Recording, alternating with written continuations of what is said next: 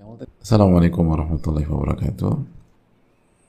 Bismillahirrahmanirrahim. Alhamdulillahirabbil alamin.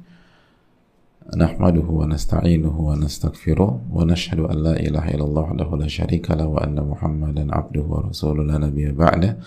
Allahumma salli wa sallim wa barik wa an'im ala nabiyyina wa rasulina nabiyyina Muhammadin sallallahu alaihi wasallam wa ala alihi wa sahbihi ajma'in. Ba'd. Hadirin Allah muliakan Alhamdulillah Alladhi bi ni'mati tatimu salihat Segala puji bagi Allah yang dengan rahmat, taufik dan hidayahnya amal soleh bisa dilakukan dan dilakukan dengan sempurna. Dan Alhamdulillah Eh, kita bisa kembali bersua di majelis ini setelah tadi ada kendala teknis beberapa kali dan sekali lagi kendala teknis seperti ini adalah sebuah uh, belajar juga belajar dari sisi lain. Agar kita bisa bertakwa. Allah berfirman wattaqullah wa yu'allimukumullah. Dan bertakwalah kepada Allah dan Allah akan ajarkan kalian ilmu. Sehingga menghadapi segala masalah dan persoalan dengan takwa itu adalah pintu ilmu hadirin wattaqullah wa yu'allimukumullah dan bertakwalah dan Allah akan ajarkan kalian ilmu dan hadirin Allah muliakan belajar itu bukan hanya teori tapi belajar juga belajar beramal sebagaimana yang disampaikan oleh nama besar Abu Abdurrahman As-Sulami bahwa para sahabat itu fayata'allamul Qur'an al-ilma wal amala jami'ah. Mereka itu belajar Al-Quran dari sisi ilmu dan amal, teori dan praktek. Jadi ketika kajian berlangsung lancar itu belajar teori. Ketika kajian ada kendala itu belajar praktek, belajar amal, sabar apa enggak pintar atau bisa memanfaatkan waktu atau tidak langsung memanfaatkan waktu dengan amal lain atau tidak ngeluh atau tidak komplain atau tidak kembalikan ke Allah atau kembalikan ke makhluk itu semua adalah proses belajar hadirin. Dan kita nggak akan menjadi uh, sosok yang bertakwa beriman yang utuh kalau kita tidak menjalani dua sisi ini. Dan itulah yang dijalani oleh para sahabat. Oleh karena itu, hadirin Allah muliakan, semoga Allah lancarkan, tapi kalau lakon Allah ada kendala, maka sikapi dengan bijak, sikapi dengan ketakwaan, karena di dalam ketakwaan itulah ada ilmu. Ada tambahan ilmu dan ada pelajaran besar dari Allah Subhanahu wa taala. Oleh karena itu marilah kita bersyukur kepada Rabbul Alamin atas ini semua. Dan hadirin Allah muliakan kembali bersama bulan Ramadan, bulan yang penuh dengan keberkahan, rahmat, bulan di mana pintu surga dibuka oleh Allah Subhanahu wa taala dan pintu neraka ditutup oleh Allah Subhanahu wa taala. Oleh karena itu uh, seruan di bulan Ramadan selalu jelas, selalu uh, jernih isunya ya bagi al khairi akbil Wahai orang-orang yang ingin berbuat baik, segeralah, ini waktunya. Gitu. Ini waktunya, ini momennya. Wa ya bagi syarri wahai orang-orang yang ingin berbuat buruk, maka tahanlah. Ini bukan momen, ini bukan waktunya. Dan memang nggak ada waktu untuk berbuat buruk, tapi jangan lakukan itu di Ramadan. Ini adalah momentum kita menambah ketakwaan kita kepada Allah Subhanahu wa taala. Dan hadirin Allah muliakan, kita kembali bersama Al-Imam An-Nawawi dalam bab tentang keutamaan uh, orang-orang uh, lemah, orang-orang miskin, orang-orang fakir. Dan kemarin kita sudah membahas hadis Haritha bin Wahab dan korelasi. Kemarin kita belum menekankan bahwa korelasi antara hadis ini dengan uh, perintah di bab yang sedang dibahas oleh Al Imam An Nawawi uh, bahwa keutamaan orang-orang lemah, keutamaan orang-orang kecil, keutamaan orang-orang miskin, bahwa orang-orang yang uh, terlihat lemah di dunia dan diremehkan dan dianggap lemah di dunia, kullu dha'ifin mutadha'af dhaif lemah atau dianggap lemah dianggap remeh dianggap kecil dianggap kerdil. Ternyata itulah ciri-ciri ahli surga. Itulah ciri-ciri ahli surga jadi ini yang harus kita lihat ketika kita ngeliat ada orang dibully, diremehkan, direndahkan, hati-hati dengan orang sedang hati-hati untuk jangan main-main dengan orang tersebut. Terus kita lihat sholatnya bagus, zikirnya oke. Okay. Ini semakin mengarah gitu loh. Ini ciri-ciri ahli surga. Dan punya hubungan dekat dengan Allah. Lau aksama Allahi la abarra sekali bersumpah minta dikabulkan sama Allah Subhanahu wa taala.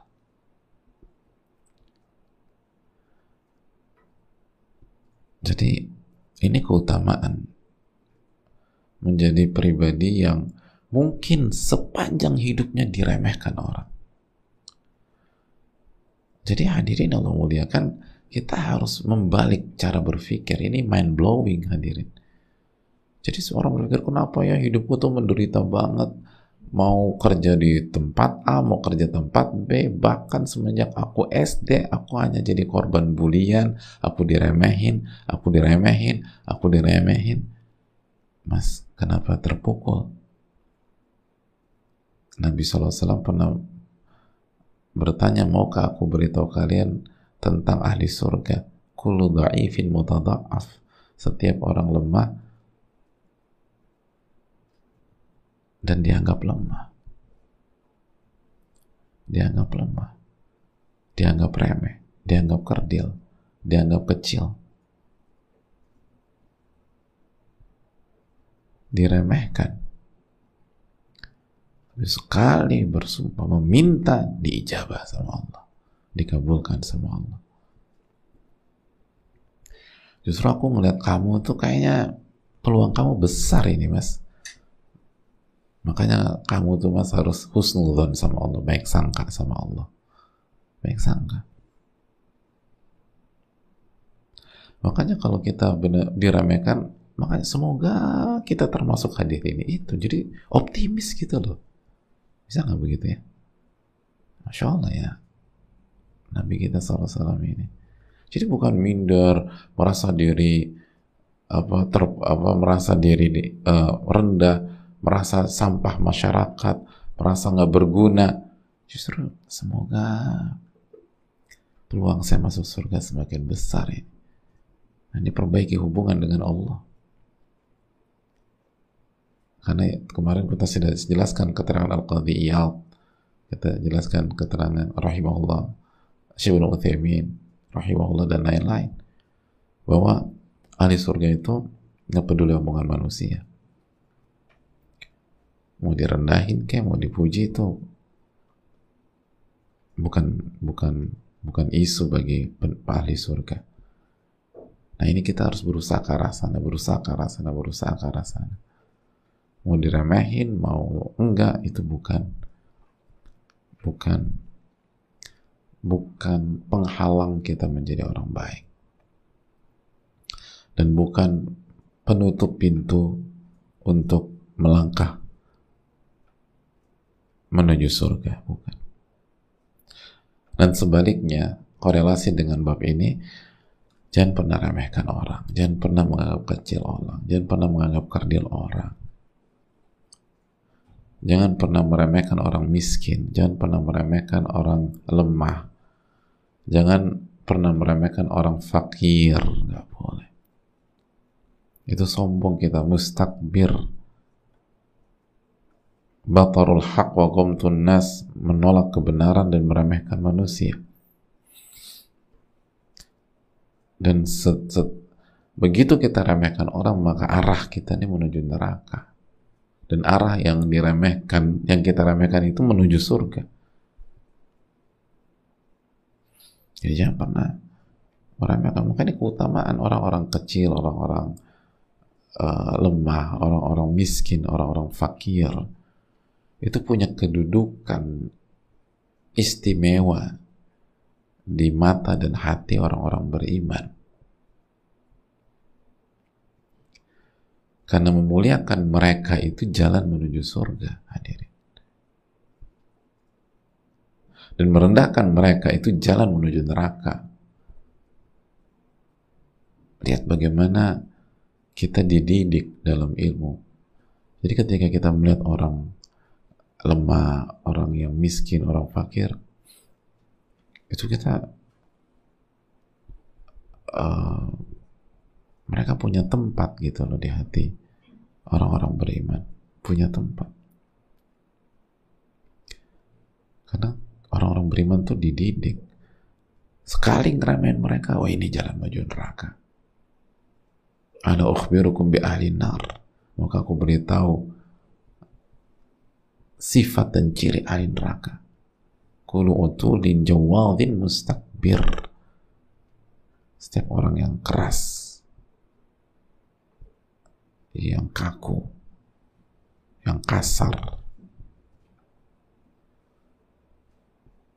yang tamak, yang pelit, yang gak sabar, yang menolak kebenaran dan meremehkan orang itu.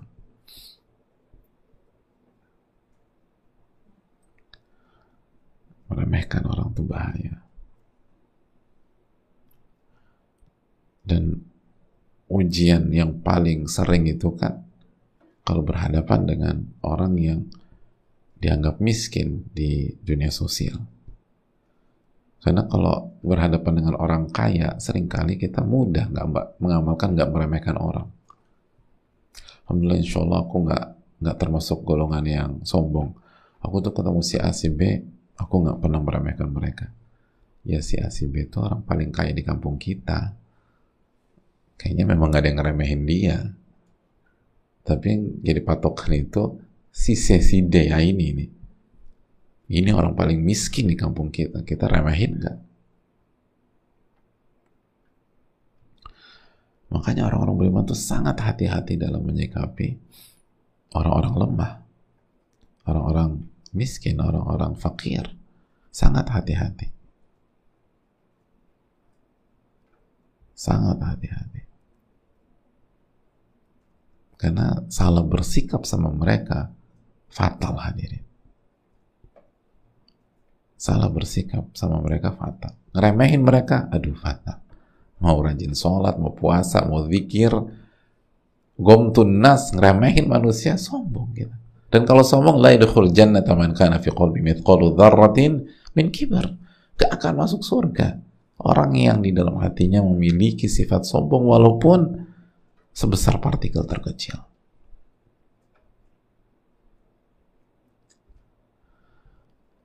Dan ini momentum di Ramadan sekali lagi. Ramadan itu salah satu hikmahnya kata para ulama agar banyak orang-orang kaya, agar banyak pihak yang selalu hidup berkecukupan, ada yang dia inginkan khususnya makan dan minum, itu merasakan pahitnya rasa lapar dan haus yang mungkin setiap hari dirasakan oleh saudara-saudaranya yang miskin. Yang mungkin sepanjang tahun dirasakan oleh saudara-saudaranya yang gak mampu. Sehingga ketika orang-orang yang berkecukupan itu merasakan pahitnya rasa kaya dan miskin, maka lahirlah empati. Lahirlah pengertian. Lahirlah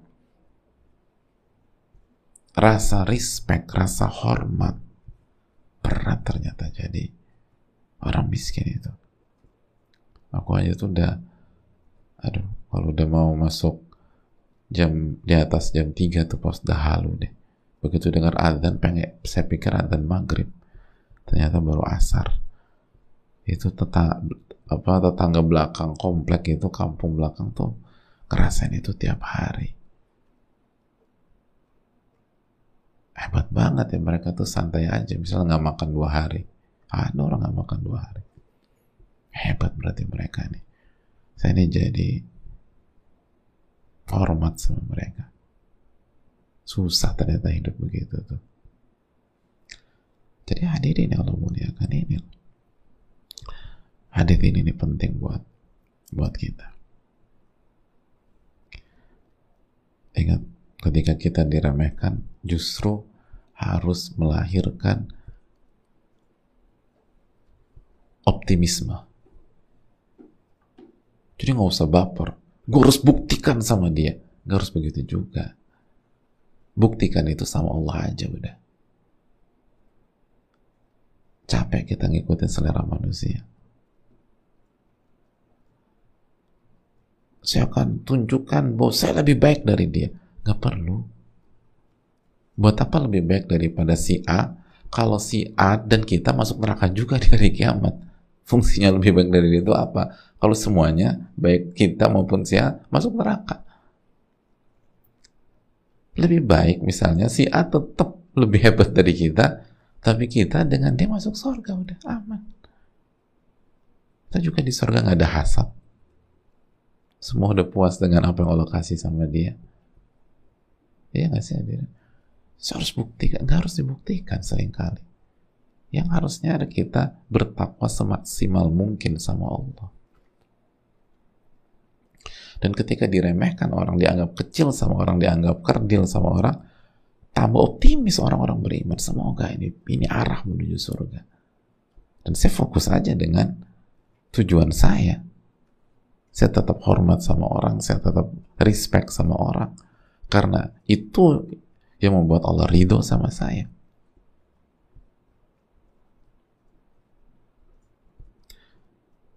Kan begitu. Masih ingat nasihat para ulama seperti Ibnu Aun?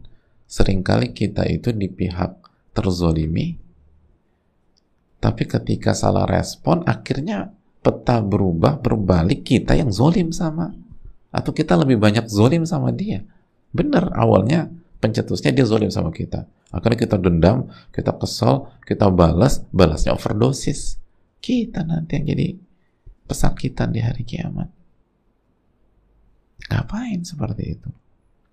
Yakinlah bahwa Allah itu ahkamul hakimin.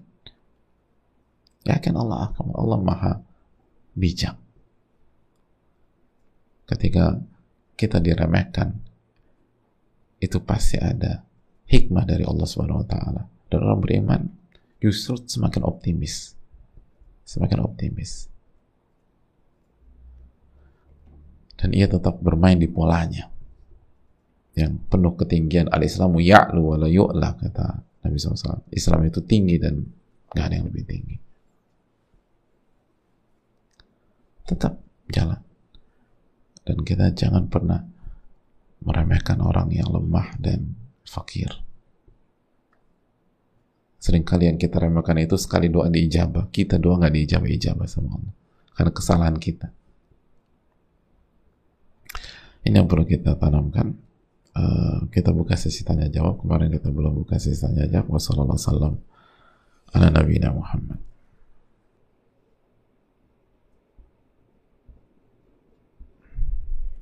Assalamualaikum warahmatullahi wabarakatuh Waalaikumsalam warahmatullahi wabarakatuh Semoga Ustadz dan tim serta seluruh umat muslim diberikan keberkahan dan diberikan pertolongan oleh Allah Subhanahu wa taala untuk mengisi bulan suci Ramadan dengan iman dan takwa. Amin ya rabbal alamin. Tapi jangan lupa doakan Imam Nawawi dan ulama-ulama kita secara khusus hadirin.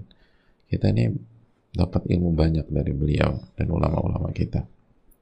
Semoga Allah merahmati Imam Nawawi dan seluruh ulama kita. Dan kita harus jadi pribadi yang bersyukur, apalagi di Ramadan ini. Sekali lagi di Ramadan karena uh, kita ngerasain uh, lapar, haus atau kondisi yang nggak mudah di beberapa jam itu harus mengasah uh, apa uh, kepekaan syukur kita. Ustadz mau tanya tentang hukum membaca Al-Quran bagi wanita yang sedang haid. Case-nya di dalam bulan suci Ramadan ini berniat untuk khatam Al-Quran. Misalnya di hari pertama sampai kelima Ramadan, wanita ini sudah berhasil membaca sampai juz kelima. Kedalah hari ke-6 Ramadan dia haid dan hari ke-6 wanita eh, dan hari ke-6 ini bolehkah dia meneruskan membaca Al-Quran ke juz 6 melalui aplikasi Al-Quran di handphone dan misalnya selama haid wanita tersebut telah membaca sampai juz ke-10 setelah selesai haid ketika sudah suci kembali bolehkah ia meneruskan bacaan Al-Quran ke juz 11 Ustadz? Semoga Allah takdirkan pertanyaan saya dibaca dan dijawab oleh Ustadz. Jazakallah khair Ustadz dan tim. Terima kasih jazakallah khairan. Hadirin al muliakan pertama dalam ilmu fikih bedakan antara wanita hukum wanita haid membaca Al-Quran dan hukum wanita haid memegang mushaf itu dua kotak yang berbeda dua kotak dan pembahasannya pun berbeda. Uh, jadi uh, itu bukan satu paket membaca, Al-Quran bagi wanita haid itu uh, satu pembahasan dan memegang mushaf bagi wanita itu satu uh, pembahasan. Adapun kalau pertanyaannya seperti ini, uh, membaca wanita, eh membaca wanita lagi, wanita itu yang membaca Quran, kok membaca wanita sih. Uh, wanita, hukum wanita haid membaca Al-Quran terjadi khilaf para ulama. Dan kalau bagi saudari-saudari kita yang haid, Allah Ta'ala alam, dia bisa mengikuti keterangan dari Al-Imam Malik atau Madhab Malikiyah yang membolehkan wanita haid membaca Al-Quran uh, dalam masalah ini. Dan adapun membaca Al-Quran di handphone, maka uh, walau talam diperbolehkan karena layar handphone itu bukan mushaf. Para ulama kontemporer uh, berdalil bahwa layar handphone atau gadget kita bukan mushaf itu dengan cermin. Jadi itu bukan tulisan langsung. Artinya gini kata para ulama, jika mushaf kita itu, misalnya kita buka mushaf nih, kita buka mushaf, misalnya ini mushaf, kita buka, lalu kita uh, apa berdiri depan cermin lalu kita apa perlihatkan depan cermin di cermin itu ada apa? Ada halaman yang sama kan? Lalu kita pegang cermin itu maka ulama bilang ada masalah sama sekali. Karena itu bukan cermin itu tuh bukan jadi kalau kita pegang-pegang ada masalah. Itu dikiaskan ke ke sana Allah taala misal jadi Allah taala misal dalam masalah ini untuk uh, pakai handphonenya uh, tidak ada masalah karena itu bukan musaf yang menjadi pembicaraan para ulama dari masa klasik. Adapun membaca Al-Qur'annya sendiri maka terjadi khilaf para ulama uh, dan penanya bisa mengikuti keterangan dan uh, pandangan Al-Imam Malik atau Madhab Maliki yang membolehkan Allah Ta'ala bisa dan khilafnya kuat dan banyak para ulama atau sebagian ulama juga menjelaskan masalah ini.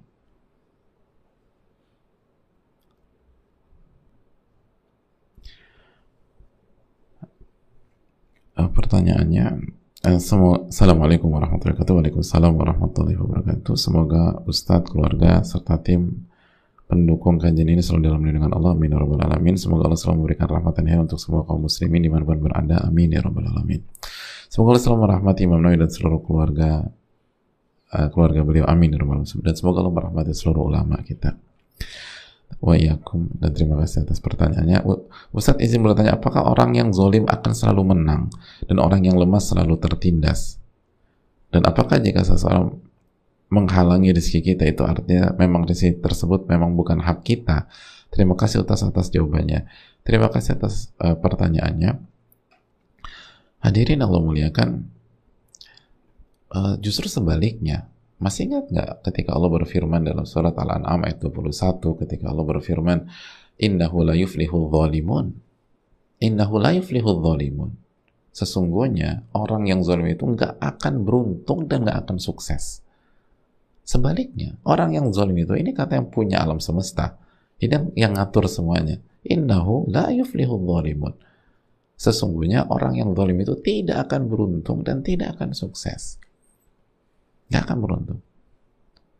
Dalam ayat yang lain surat Hud ayat 18 Allah berfirman ala la'natullahi ala zalimin. Ketahuilah laknat Allah terhadap orang-orang yang zalim. Mungkinkah orang yang dilaknat sama Allah berhasil, menang, dan sukses? Gak mungkin. Dan uh, sebatas dia ambil hak kita selama bertahun-tahun, itu bukan berarti dia beruntung, bukan. Kenapa demikian? Karena kehidupan seseorang itu tidak bisa dinilai dari satu kotak saja. Gitu loh. Kan misalnya ada orang menzolimi istrinya bertahun-tahun. Kan kehidupan seseorang nggak bisa dinilai hanya pada saat dia berinteraksi dengan istrinya. Karena dinilainya kehidupan seorang itu pada secara utuh kan dia berinteraksi dengan istri, dengan orang tua, dengan mertua, dengan anak, dengan saudara, saudari, dengan ipar, dengan om, dengan tante, dengan tetangga, dengan klien, dengan bos dan seterusnya. Oke, dia terkesan dia menang di satu kotak, tapi coba lihat akumulasi dari semua kotak, nggak mungkin beruntung, nggak mungkin beruntung dan nggak mungkin menang. Dan yang berikutnya, hak kita yang diambil oleh dia itu akan dia ganti di hari kiamat. Kalau nggak dia ganti di dunia, karena pasti diganti. Jadi apakah itu bukan rezeki kita?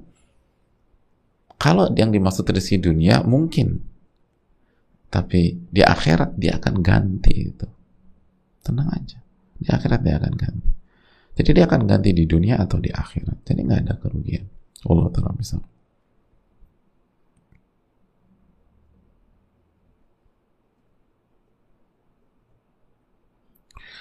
Assalamualaikum warahmatullahi wabarakatuh. Waalaikumsalam warahmatullahi wabarakatuh. Uh, Ustadz saat saya mendapatkan musibah atau saat kita mendapatkan musibah atau ketidaknyamanan berupa sedih, cemas, bagaimana cara mengetahui bahwa ini terjadi karena dosa-dosa kita atau bentuk ujian yang akan menjadi jalan kebaikan kita untuk mendapatkan surga bagaimana yang tertuang dalam Al-Baqarah 155 Mohon penjelasan dan nasihat Ustaz Jazakallah khairan. Terima kasih atas pertanyaan. Uh, memang benar apa yang kita alami itu pasti ada andil dari dosa-dosa kita. Wa ma asabakum min musibatin fa bima kasabat aydikum.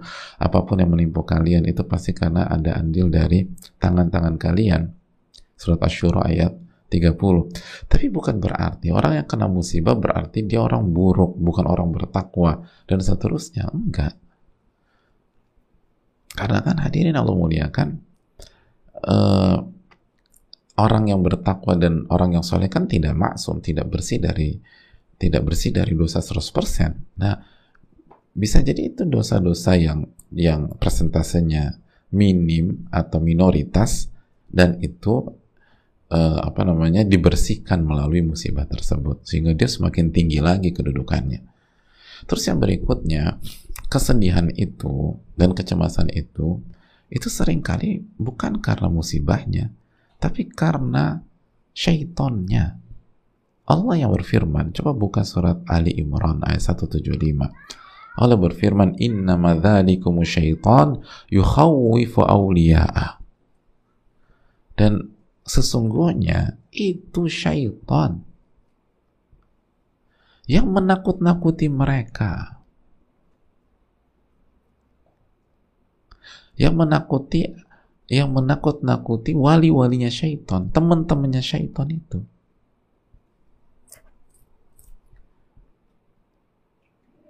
Makanya fala takhafuhum, jangan takut sama mereka. Wa khafuni, tapi takutlah kepadaku kata in kuntum mu'minin jika kalian benar-benar beriman. Kan memang berat ya, semoga Allah tolong kita dan yang berbicara tidak lebih baik. Namun kalau teorinya adalah apa pun yang kita cemaskan dan takutkan dari hal dunia itu nggak ada apa-apanya dibanding adab Allah kalau kita maksiat dan kufur dan syirik kepada Allah Subhanahu wa taala. Nggak ada apa-apanya. Jadi seharusnya kalau kita khawatir dengan hal duniawi ini, kita harus lebih khawatir lagi kalau kita maksiat. Dan seharusnya kekhawatiran kita kepada takutnya kita kepada Allah itu sudah mengcover semuanya. Isunya hilang. Isunya tuh hilang. Kan demikian. Karena ada ada ada hal yang jauh lebih besar. Ketika misalnya seorang istri nitip uh, sebuah makanan ketika suaminya pulang di malam hari pas Ramadan ini. Biasanya istri istri kita nitip apa? Ibu suka nitip apa sih? Kalau Ramadan? Ah, gorengan. Tiga amat. Malam nih malam, masa malam gorengan? buka gorengan oke okay lah Mar martabak ya. mie ayam bener martabak ya martabak yang yang keju coklatnya segunung itu lalu istrinya agak cemas dan khawatir suaminya lupa. Karena suaminya suka lupa begitu. Aduh nih suamiku bawa nggak ya martabak ini? Suamiku tuh bawa nggak ya? Cemas.